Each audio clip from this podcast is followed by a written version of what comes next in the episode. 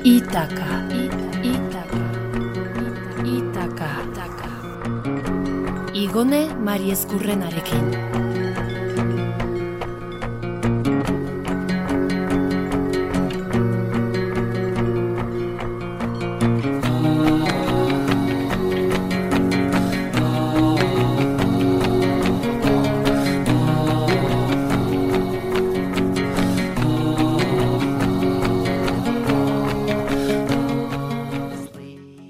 Arratsaldeon entzule ongi etorri bidaia eta abentura zaleon gune eta une honetara. Itakarantzko bidean kapitulu berri bat zabaltzera goaz eta horretarako Gema Sandoniz bilbotarra izango dugu gidari. Eta gaur gainera urrutira egin gabe. Euskal Herria txirrindaz zeharkatzea proposatzen duen proiektu bati buruz hitz egingo dugulako. Trans Euskal Herria.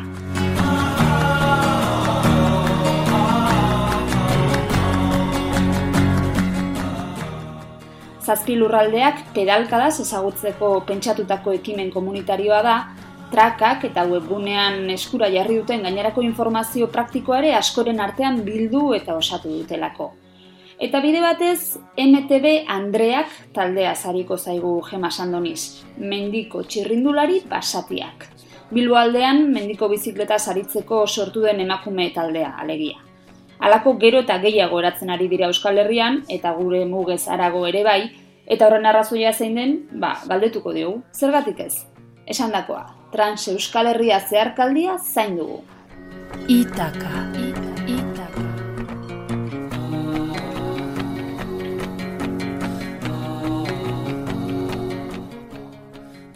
Gema Sandoniz, Arratsaldeon. Kaixo, hartzaldeon.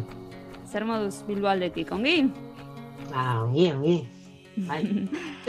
Aizu, Gema, gaurkoan Trans Euskal Herria izeneko proiektu bati buruz hitz egingo diguzu, mm, bizikletarekin eta Euskal Herria zeharkatzearekin du zerikusia, baina behar bada interesgarria da baita ere argitzea, naiz eta zu gaur e, bakarkari zaren elkarrizketa honetan, normalean gehienetan taldean aritzen zarela bizikletaz MTB Andreak izeneko talde baten baitan, eta uste dut justuena dela haiei ere aipamena egitea. Itzei da zu talde honi buruz. Zer esan nahi du MTB Andreak esate baterako? Izkiek, zer esan nahi dute?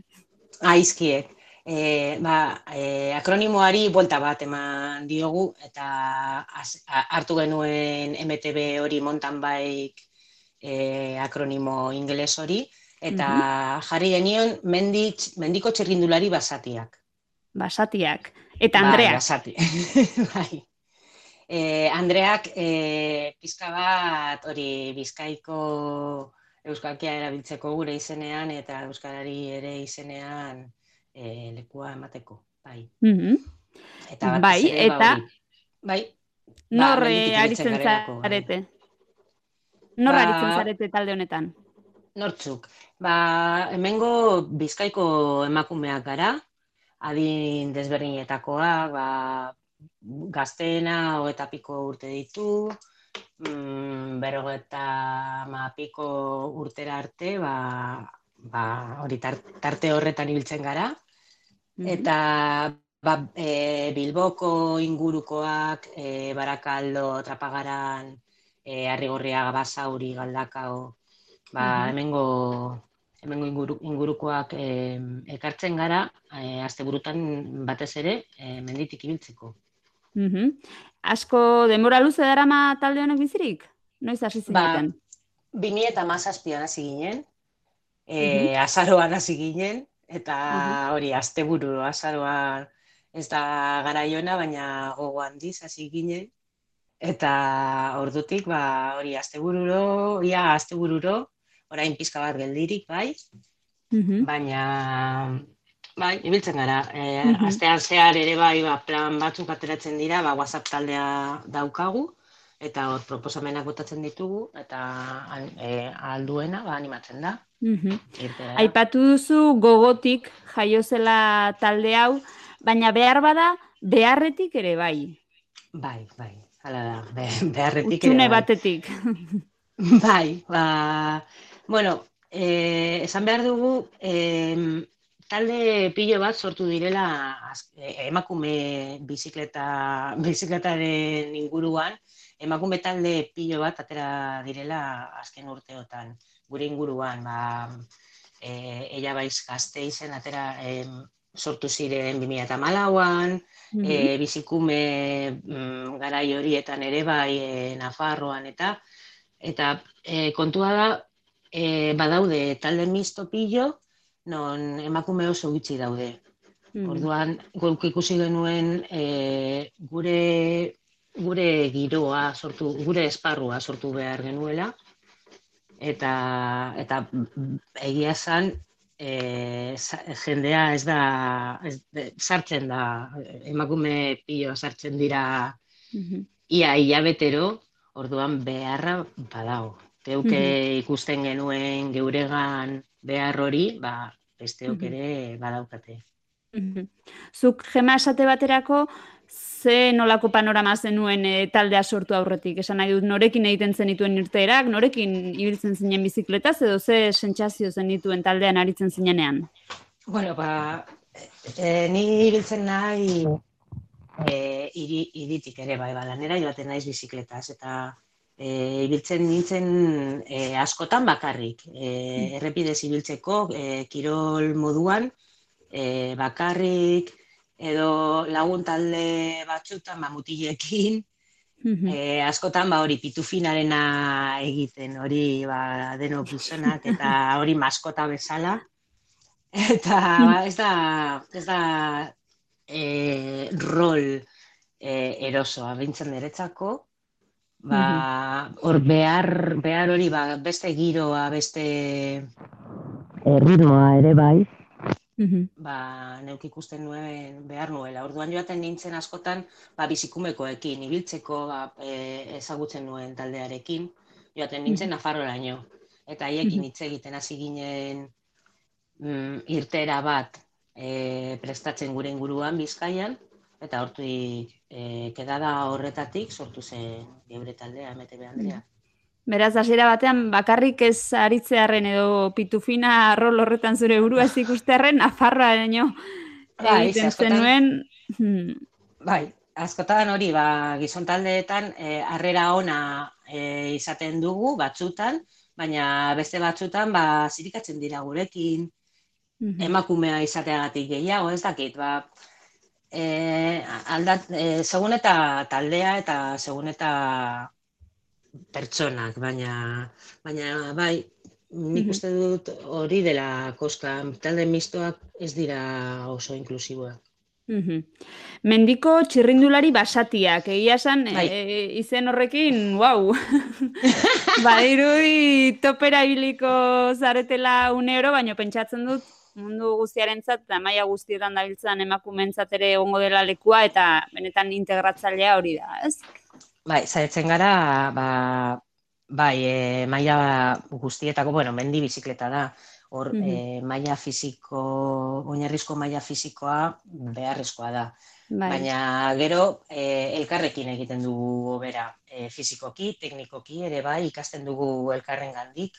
Orduan, e, e, hori taldekideok e, bi urteotan nabaritu dugu oso aldaketa obera.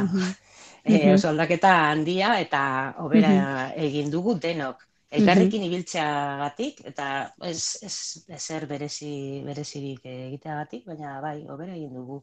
Tira, elkarri irakatsi, elkarri konfiantza transmititu, elkar babestu, elkar zaindu, azken batean, eta bai. eta neurri guztietako eta gustu guztietako planak proposatu egin eta horien artean beinola e, bururatu zitzaizuen Trans Euskal Herria izeneko zeharkaldia egitea. Noiz, nolatan, ze bidetatik izan zenuten ibilbide honen berri? Pues, eh, eh, badaukagu eh, taldean, e, bizi, bizi bidaiari batzuk. E, batzutan ba hori biltzen garela alforjekin eta Eta, zikloturismoa e, deritzen egiten, ez? Hori da, bai, zikloturismo, baina ez zikloturismo deportibo, ezik eta turismo egiten. Bai. Mm eta e, ezagutu genuen hori ba, zegoela Trans Euskal Herria proiektu bat, e, elkarla, elkarlanez egina, web horria badaukate eta oso e, ondo dago, egomendagarria. Orduan guk askotan taldean ere e, menditik ibiltzeko hartzen dugu haien trakak. Hor e, alboan daukate hor zikloturismo egiteko beste ibilbide bat lasaiago eta errazago. Orduan planteatu genuen, ba hori taldeko batzuk e, oporretan e, joatea ba hori ikusteko e, Zer maus moldatzen zineten beste horretan. Hori da. Bai, ze, ge, geuk ezagutzen genuena izaten zen e, mendiko trakak, eta hori oso ondo diseinatuta. Basatiak. Bueno, azaldu. Azalduko dizut basatiaren hitzaren. Bai, mesedez. Bai, bai. Bueno, ba, akronimoa betetzeko, baina e, beste talde, beste emakume talde batzuekin e, elkarleanean ibiltzen gara.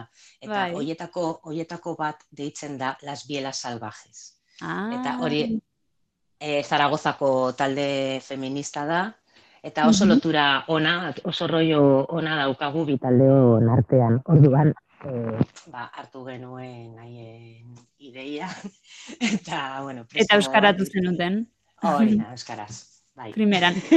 ba, hortik Be- dator, dator Eh, basatia. ondo.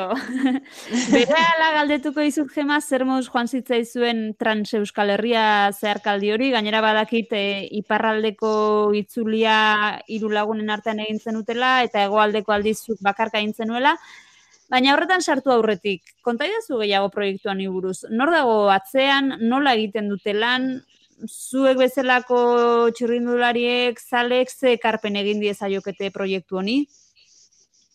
Ba, bai, e, e, proiektua da e, ba, talde, lan, talde lan bat dago, em, ba, ik- ikustatzeko, ikuskatzeko bideak, e, Mhm. mantentzeko informazioa mantentzeko eta mm, e, ba, herrialde guztietako jendea dago sartuta, e, gu- gune batzuetan e, egia esan beti dabiltza e, laguntza bila, batez ere hori Bai. karrantzarana, badibidez, ba, hori ni dakidala, eh?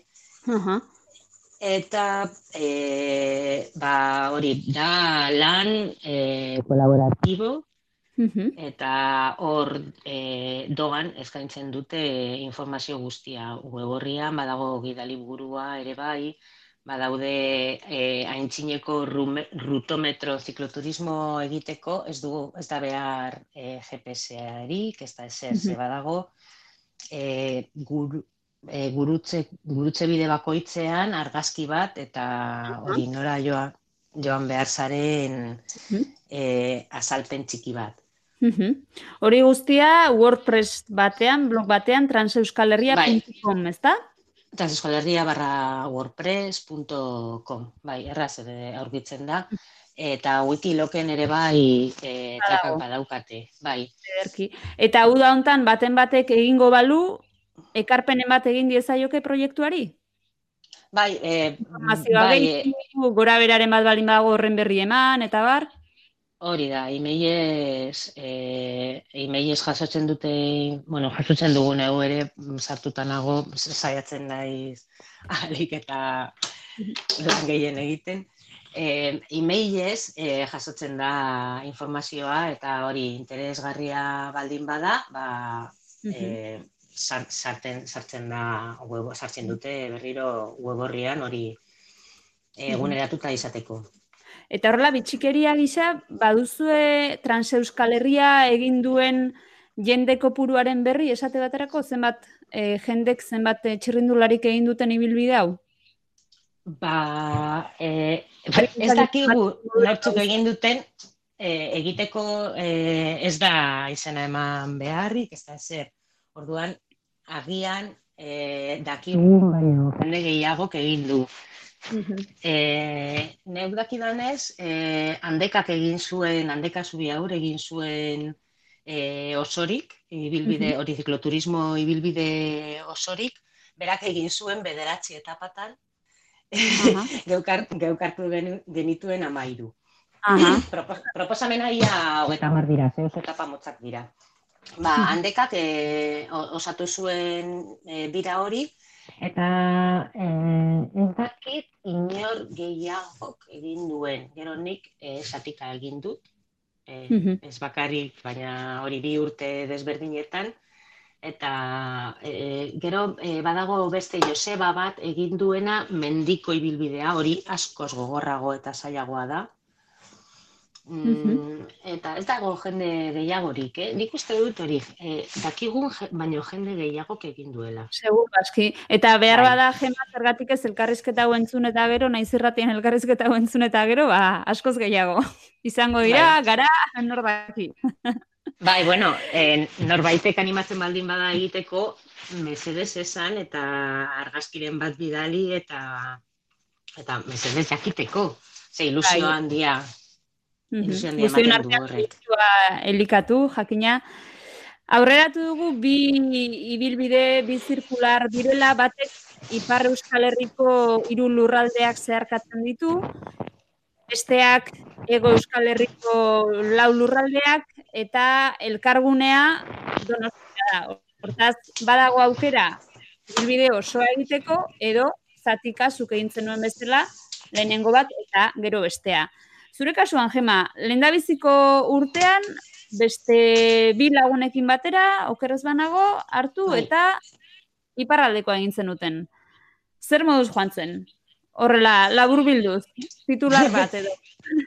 ba, ba, oso polita, oso erraza, oso erraza izan zen. Uh atera ginen e, bilbotik, eta bai. trenez joan ginen endainaraino e, badago aukera hori oso erosoa da e, euskotrenen e, bueno, motela, baina oso erosoa bizikleta alforjak eta guztia trenen eramateko. Eta mm endaian hasi ginen ibilbidea. E, oso polita izan zen, e, niretzako nahiko gogorra e, aldapatzua e, delako e, bai. bai. eta neuk e, bizikleta berria erosi nuen urte horretan, eta joan nintzen ah. bizikleta ondo probatu barik. Bueno, probatuta, baina aldap, alako aldapatan ez. Orduan, mm -hmm. desarrolloren aldetik, e, kanbioen aldetik gorriak ikusi zituen. Mm. Baina, Akinan, bueno. batez ere zu beroa inguruan, ba, Pirineo magalean aritzea da, ez? Hori da, hori da. Eta direla, Bai, eta etapak e, ez dira e, puerto oso luzeak edo altuak igo behar, baina e, etapa guztietan ba, desnibel e, asko pilatzen da. Orduan, e, bukaeratan nekatuta. Bai. Baina oso polita, e, paisajeak politak, e, oso raz. Dena dela, ez dadin e, inorri zutu, mesedez, jakina norberak egokitzen etapak bere neurrira, eta izu ba, behar bada ba, luzegia edo nekagarria irutzen bazaio, ba, erdia egin, eta horrengo gunean lasai asko hartu, eta aurrera bueno, jarraitu. Bai, bai, e, proposan, e, proposatutako etapak hogeita bost, hogeita mar kilometrozkoak dira, geuk egin genituen bi etapa egun bakoitzeko. Orduan, mm. ba, hori e, erritmoa ondo aukeratuta, ba, egiten da gainera hori polita eta arras. Mm Endaiatik irten eta norantz, zen izan ziren esan dezagun waypoint nagusiak?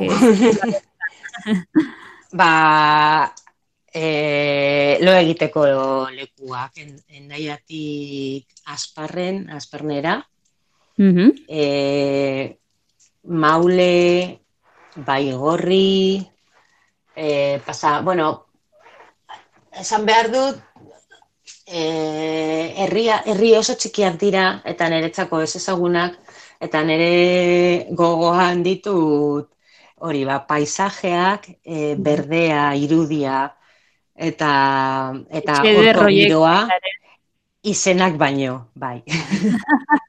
Jakina, horiek aztu egiten dira.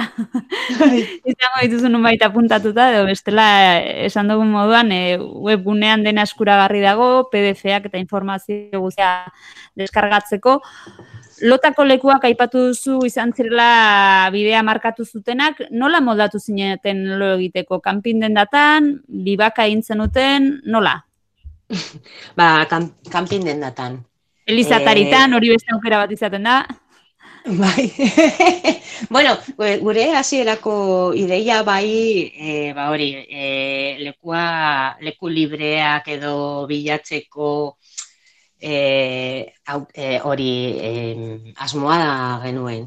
Baina neuk ere bai, urte horretan ba hori, e, e, azaleko, azalean e, izan nuen ba hori arazo batzuk, orduan zaintzeko, e, aldatu behar izan genuen planak, eta kanpinez kanpin joan ginen, e, neu joan nintzen ere kanpin den da, beste biok beste kanpin mm batean, orduan iru, irurontza bi kanpin den da, neuk ere ba hori be, bakarrik egoteko momentutxoa behar nuela. Bai. Orduan, azken momentuan aldatu genuen eta onartu zuten hori kanpinarena. Uh e, gune hori e, zonalde horretan oso erraz aurkitu genituen kanpinak, ia utzi gainera, e, jendeaz, o, ba, jendearekin oso ondo, mhm. eta oso lasibili ginen. Ba, mm Neuk eskertu nuen hori zerbitzua. Bai, eta aipatu duzu eskertzen duzula taldean bidaiatzen duzunean zure momentutxo aukitzea, eguneko intimitate une hori. Zertarako? Bai. ba, Ba, ez dakit, baina, bai, bueno, hori da, oso, hori oso pertsonala da, jende batzuei, batzuei, ba, gustatzen zai, pertsona batzuei gustatzen zai, ebi bak egitea, neuri gustatzen zai, nire denako kremailera. e, neuk, esaten dut, ba, hori, e, talde berrian baldin banago, ba, esaten dut, e, zurrunga egiten dudala, eta horren aitzakearekin, ba, saiatzen naiz bakarrik lo egiten. Gero, bai. esperientziarekin ere ikasi dut, ba, hori, leo, e, euria egiten duenean, edo, mm. ba, eskertzekoa da mm, lekua izatea, ba, iru pertsorentzako denda batekin, ba, mm. e, euri egun batean, ba, ez dakit nik. Mm -hmm. ba, bai, ba, hori bai. gaina hori oso personala da. Mendipuntan bada ere gela bat zeurea eukitzea, zure bai. lekua, zure espazioa. Ongi, Gema, hain ongi, e, zen urrengo urtean berriz animatu baitzinen, eta kasuanetan bakarrik, eta aurreratu moduan, ego Euskal Herriko laulurraldeak zerkatzeko zergatik bakarrik? Bueno, ba, e, hori izan zen 2008an. Eta 2008, bueno, niri e, gehien gustatzen zaidana bakarrik bidaiatzea da. Hori esan behar dut, bizikletaz eta bakarrik. Hori da gehien gustatzen zaidana. Taldean gustatzen zait pilo bat ere bai, baina batzutan sentitzen dut hori horren beharra. Ba, hau jende hori ulertzen. Bakarrik bidaiatzearen gustu hori edo plazer hori ulertzen ez duen. Azuk nola azalduko zenuke hori? Nola arrazoituko zenuke hori? Zergatik ba, gustatzen zaizu bakarrik bidaiatzea? Ba, esperientzia desberdina delako. E, zeure gorputzarekin konexio handiagoa daukasulako, neuk hori sentitzen dut, eta e, ingurua ere, ingurua ikusteko eta jendea, jendearen gana hurbiltzeko modu oso desberdina da bakarrik zaudenean. Mm, hori ere bai oso pertsonala da. Ba, niri neuk batzutan e, eguneroko bizitzean bizitzan ere bai, ba, hori bakardade, bakardade momentu batzuk bai. Mm, beharrezkoak izaten ditu. Mm Orduan, ba, bai, bidaietan sentitzen naiz ba, libre eta eta lasai, bai, gustatzen zait. Orduan hori 2019an ba banituen egun batzuk, e, ja gainera 2019an taldeka tal, e, taldeka bidai hiru bidai egin dituen, orduan behar nuen. Hau beintzat ba hori etxetik oso gertu oso ba aste aste bete besterik ez, baina bakarrik ibiltzea. Mm Atera nintzen bakarrik, eta gero e, azken bi etapetan e, lotu zen Olga, beste MTB Andre, Andrea, Andreak taldeko beste kide bat, ba, hori, e, atera zitzaizkion egunak, egun libreak, eta animatu zen, eta nerekin ibili zen azken bi etapa, etapatan. Orduan, atera nintzen bakarrik, baina itzuli nintzen eh, lagunarekin. Burratzen zai, bigarren zeharkaldi hau behar bada, etxetik bertatik hasiko zenuela? Bai, bai, e, bigarren urtean bai. Etxetik bertatik, baina e, hartu nuen trena ere, bai, bilbotik. Ah, bai. bai, e, e, komuna. Bai, bai, bai. e, lehen da biziko etapa bilbotik urduinara, urdinara doa, bueno, lehen da biziko bi etapak, eta e, ez, e, hori ez oso ezagunak ditut, e, askotan egin ditut, orduan ez nuen bai, most, mostu nuen. Bai, eta zuzen... Zirik eh, kasu horretan, ez? Zuretzat. Bai. Ez, e, hori, askotan ikusita daukat, ja berriro ere itzuli naiz e, urte honetan, orduan.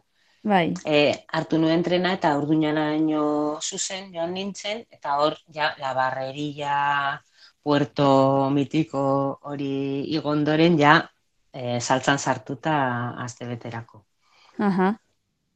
Aha. Osondo, esan didazu aurreko urtetik izenak baino gehiago gogoratzen dituzula paisaiak, ba, erabat ez ezagunak zitzaizkizulako. Mm -hmm. Ia eta emeretziko honetatik zer gorde duzu? E, bigarrenekoa, ba, e, lurra, lurra askoz desberdina.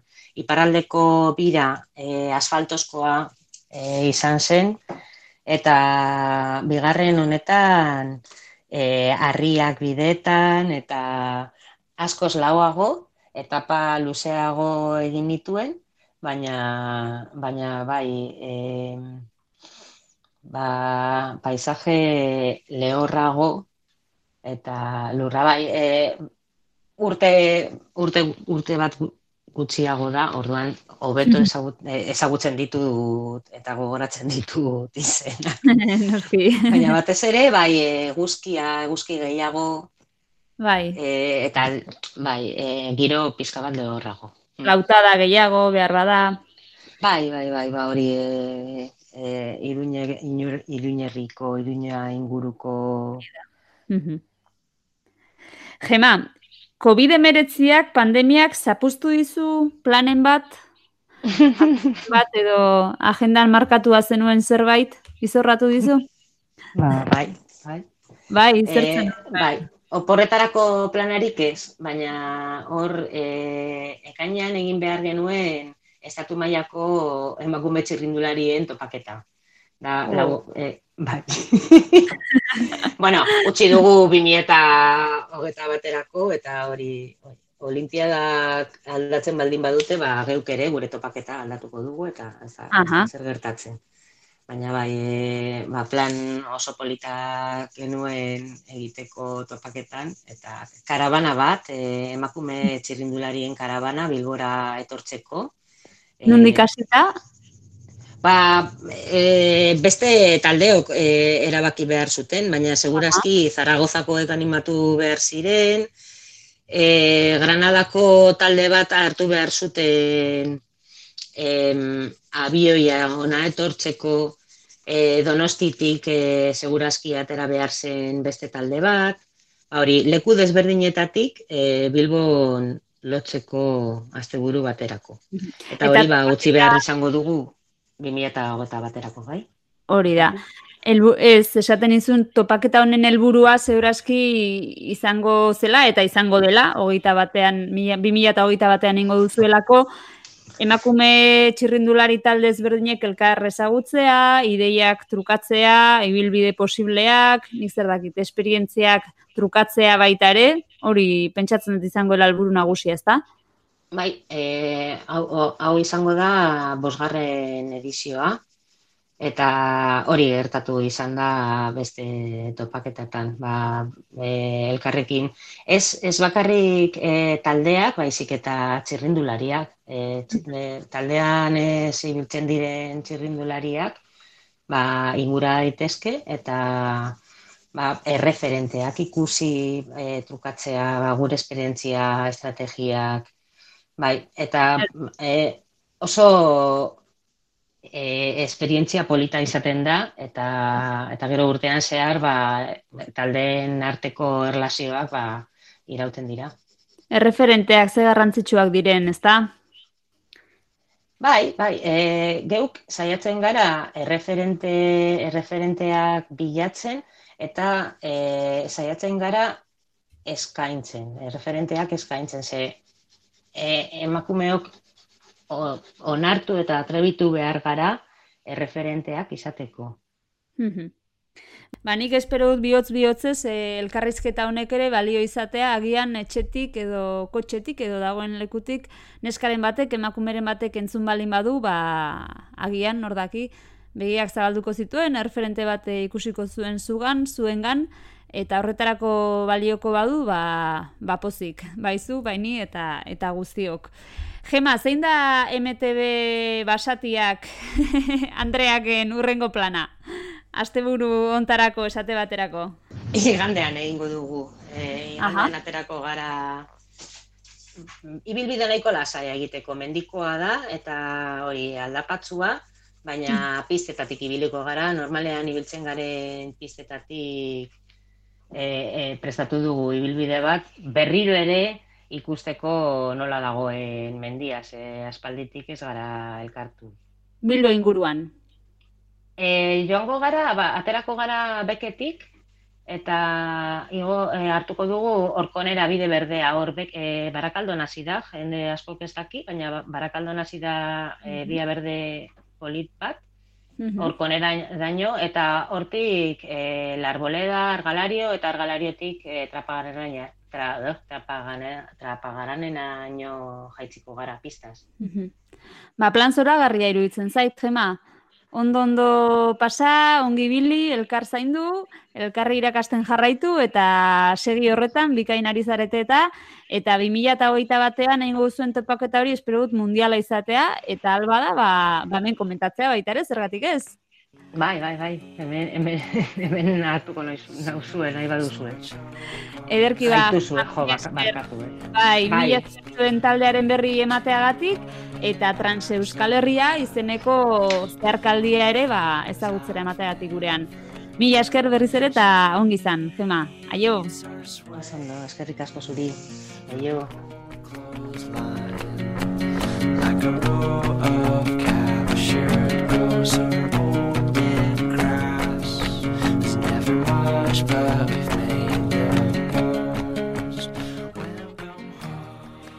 Inoiz Euskal Herrian barrena bizikleta zeharkaldia egitea pentsatu baduzu, uste dut hau aukera ederra dela. Badazpada, gogoratuko dugu transeuskaleria.wordpress.com gunean dagoela informazio baleagarri guzti guztia. Etapa bakoitzari buruzko datuak, eramatea komini den materiala, non lo egin, eta jakina trakak, ezin erosoago. Bakarrik naiz taldean egin dezakezu, mendibideetan barrena ala errepidez. Zuk zeuk zure trans euskal herria diseinatu dezakezu, zure neurrira. Dena dela, gaurko elkarrizketatik batez ere Gema Sandonisen testigantzarekin geratzen naiz ni eta ziuraski zuetako asko ere bai. Urte luzez bakarrik aritu nintzen bizikleta irterak egiten zioen. Edo ni baino asko zindartsuagoak ziren gizonen taldeetan maskota moduko bat bezala sentituz. Behar eta gogo bera apartekatzen zuten neskak elkartu ziren, MTB Andreak taldea sortu zuten eta komunitatea handituz doa orain. Zorionak neskak egindako lanagatik eta behonde izuela. Zuri entzule datorren osteguner arte esango dizut. Ordura arte ere, segi bidea luzatzen eta gozatzen. Elmugan ezpaitago aparteko ezer zure zain. Laster arte.